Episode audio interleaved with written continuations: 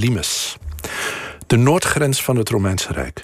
Die langs de noordelijke Rijntak, nu de Nederrijn, de Lek, de Kromme en de Oude Rijn, dwars door ons land liep van Nijmegen naar Katwijk.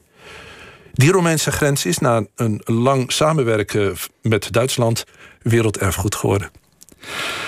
Naast algemene vreugde borrelen nu allerlei gedachten en vragen op. Waarom zouden die Romeinen zo ver van Rome verwijderd... zoveel moeite hebben gedaan om een grens met forten te bouwen? Was dat echt alleen maar tegen dat reepje land tussen de Rijn en het Wat... met die Vriezen en hun koeien?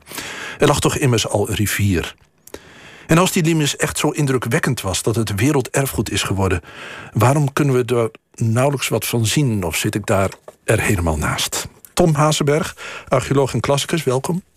Uh, dankjewel. Ik heb je uitgenodigd omdat je als opgravingsleider betrokken bent geweest... bij opgravingen langs de Limes in Woerden en uh, bij Leiden... de toegang tot het uh, voormalige kanaal van Corbulo... waar ook het prachtige ruitenmasker is gevonden...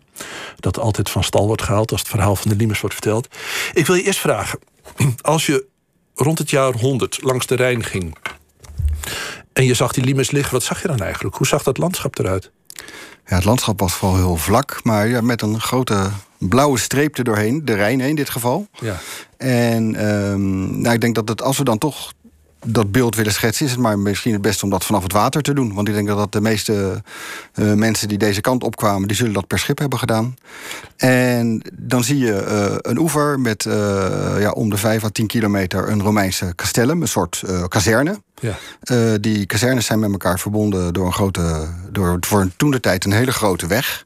Eh, de, die wij dan nu inmiddels de Limesweg noemen. En die Limesweg die werd weer bewaakt door allerlei door, uh, wachttorens die daartussen liggen. Die vooral, die behalve voor het bewaken waren, ook voor bedienden om signalen te geven tussen de, als, als verbinding tussen de verschillende kastellen. En dat, dat schip waarop je nu zit, van waar je naar de grens kijkt, dat is natuurlijk zo'n Zwammerdamschip. Ja, dat is natuurlijk een Zwammerdamschip. En wat is een Zwammerdamschip? Zwammerdamschip is een, echt, een, echt een platbodem. Eigenlijk een beetje een soort universele vorm, maar die in de Romeinse tijd nou, een, een soort verbeterd, uh, verbeterd Noordwest-Europees schip door de, door de Romeinen sterk verbeterd en uh, nou, beter te bouwen. Uh, en heel erg geschikt om over, om over ja, een rivier te gaan, met, waarvan de oevers soms makkelijker te bereikbaar zijn en anders weer, weer moeilijker, omdat gewoon de waterstand ook elke keer anders was. Een platbodem, omdat het natuurlijk allerlei ondiepten waren. En, uh... Allemaal ondieptes, inderdaad. Maar het waren wel echt de, nou, laten we zeggen, de tankers voor het Romeinse leger. Ik bedoel, daar, daar werd alles in getransporteerd. Die Zwammerdamschepen, die heten Zwammerdamschepen... omdat er een aantal van gevonden zijn in Zwammerdam. En die worden op het ogenblik ook opge, opgetuigd en weer gerestaureerd in het Archeon. Ja, na 50 jaar na, eh, na ontdekking zijn we die helemaal aan het restaureren. Dus. Een, uh, ik heb altijd begrepen dat die limes op volle sterkte is opgetrokken na het besluit van Claudius om die Rijn ook als noordgrens te zien. Nadat er wat na, vervelende conflicten waren geweest met Friese en Gauken. Ja. Tot daar en niet verder. En die Friesen moesten wegblijven. Maar het is eigenlijk maar, zoals ik al zei, een hele smalle reep gezien op het hele Romeinse Rijk tussen de Rijn en het Wat. En die Friesen, ja, die waren natuurlijk eigenlijk geen partij voor dat echte Romeinse leger. Dus is het eigenlijk wel logisch dat er zo'n enorme infrastructuur wordt opgebouwd alleen maar om die Friese buiten te houden? Ja, maar dat, dat is het ook niet. Het is veel meer een, een, een, een, een, een verschuiving van interesse van het Romeinse leger.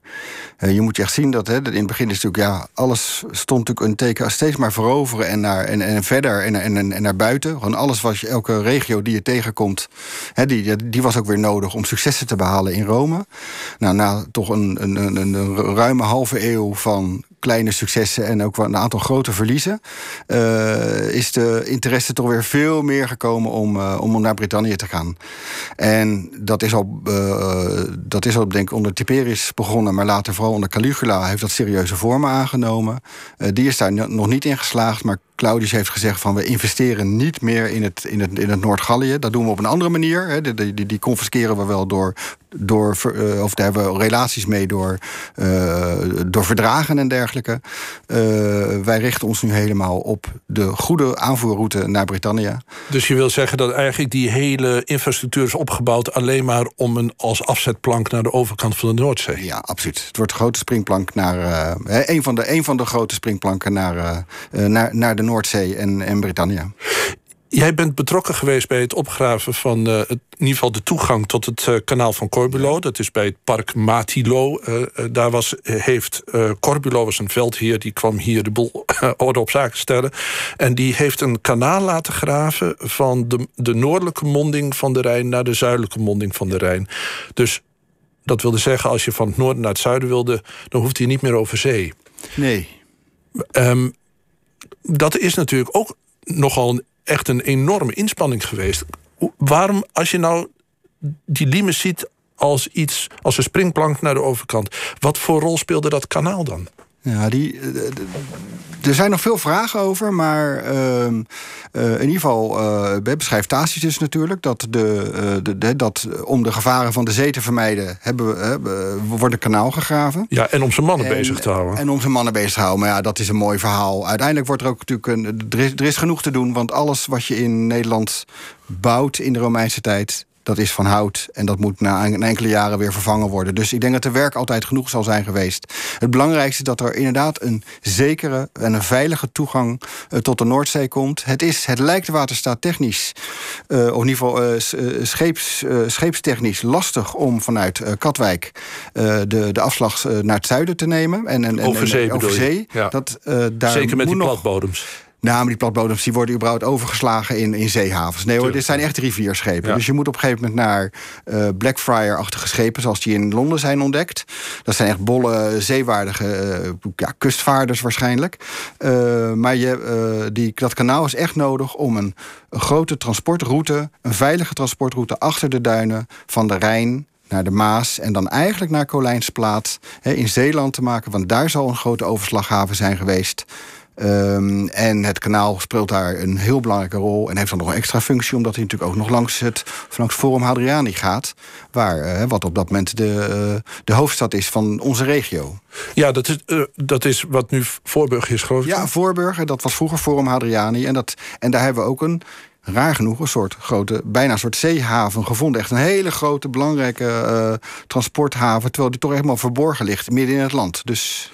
Maar er is dus een, een transportroute binnendoor, zodat je niet over zee hoeft. Ja. Uh, maar waar lag de vloot dan? De, de, de de grote Romeinse zeevloot? Ja, we denken, we komen. Eh, de, de, uh, het, uh, het hoofdstation ligt bij Keulen. maar we denken dat er eigenlijk wel in elk castellum een kleine afdeling, of die, dat zijn ook allemaal wel forten uiteindelijk ook voor de, voor de klas is.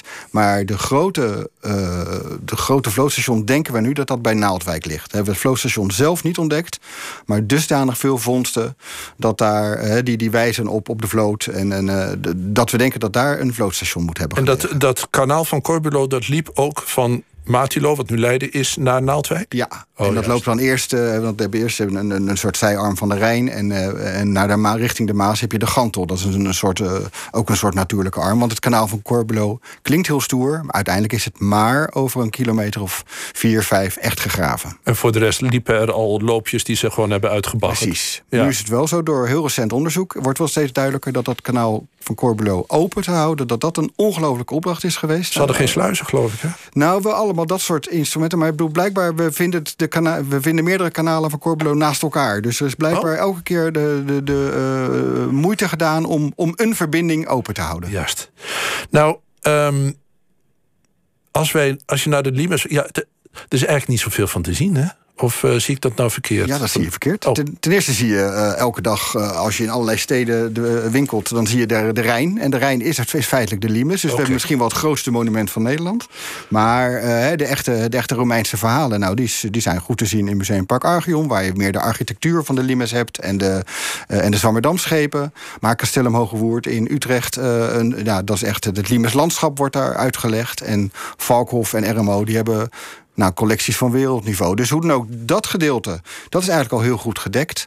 Wat wel is, wij, wij verkopen natuurlijk de Limes ook op straat. En daar moeten we hard aan werken om dat natuurlijk uh, gezellig te maken. Maar via de fietsroutes gaat dat steeds beter. Oké, Tom Haasberg, heel erg bedankt voor je komst vanmorgen. Het is tijd voor de zomerserie.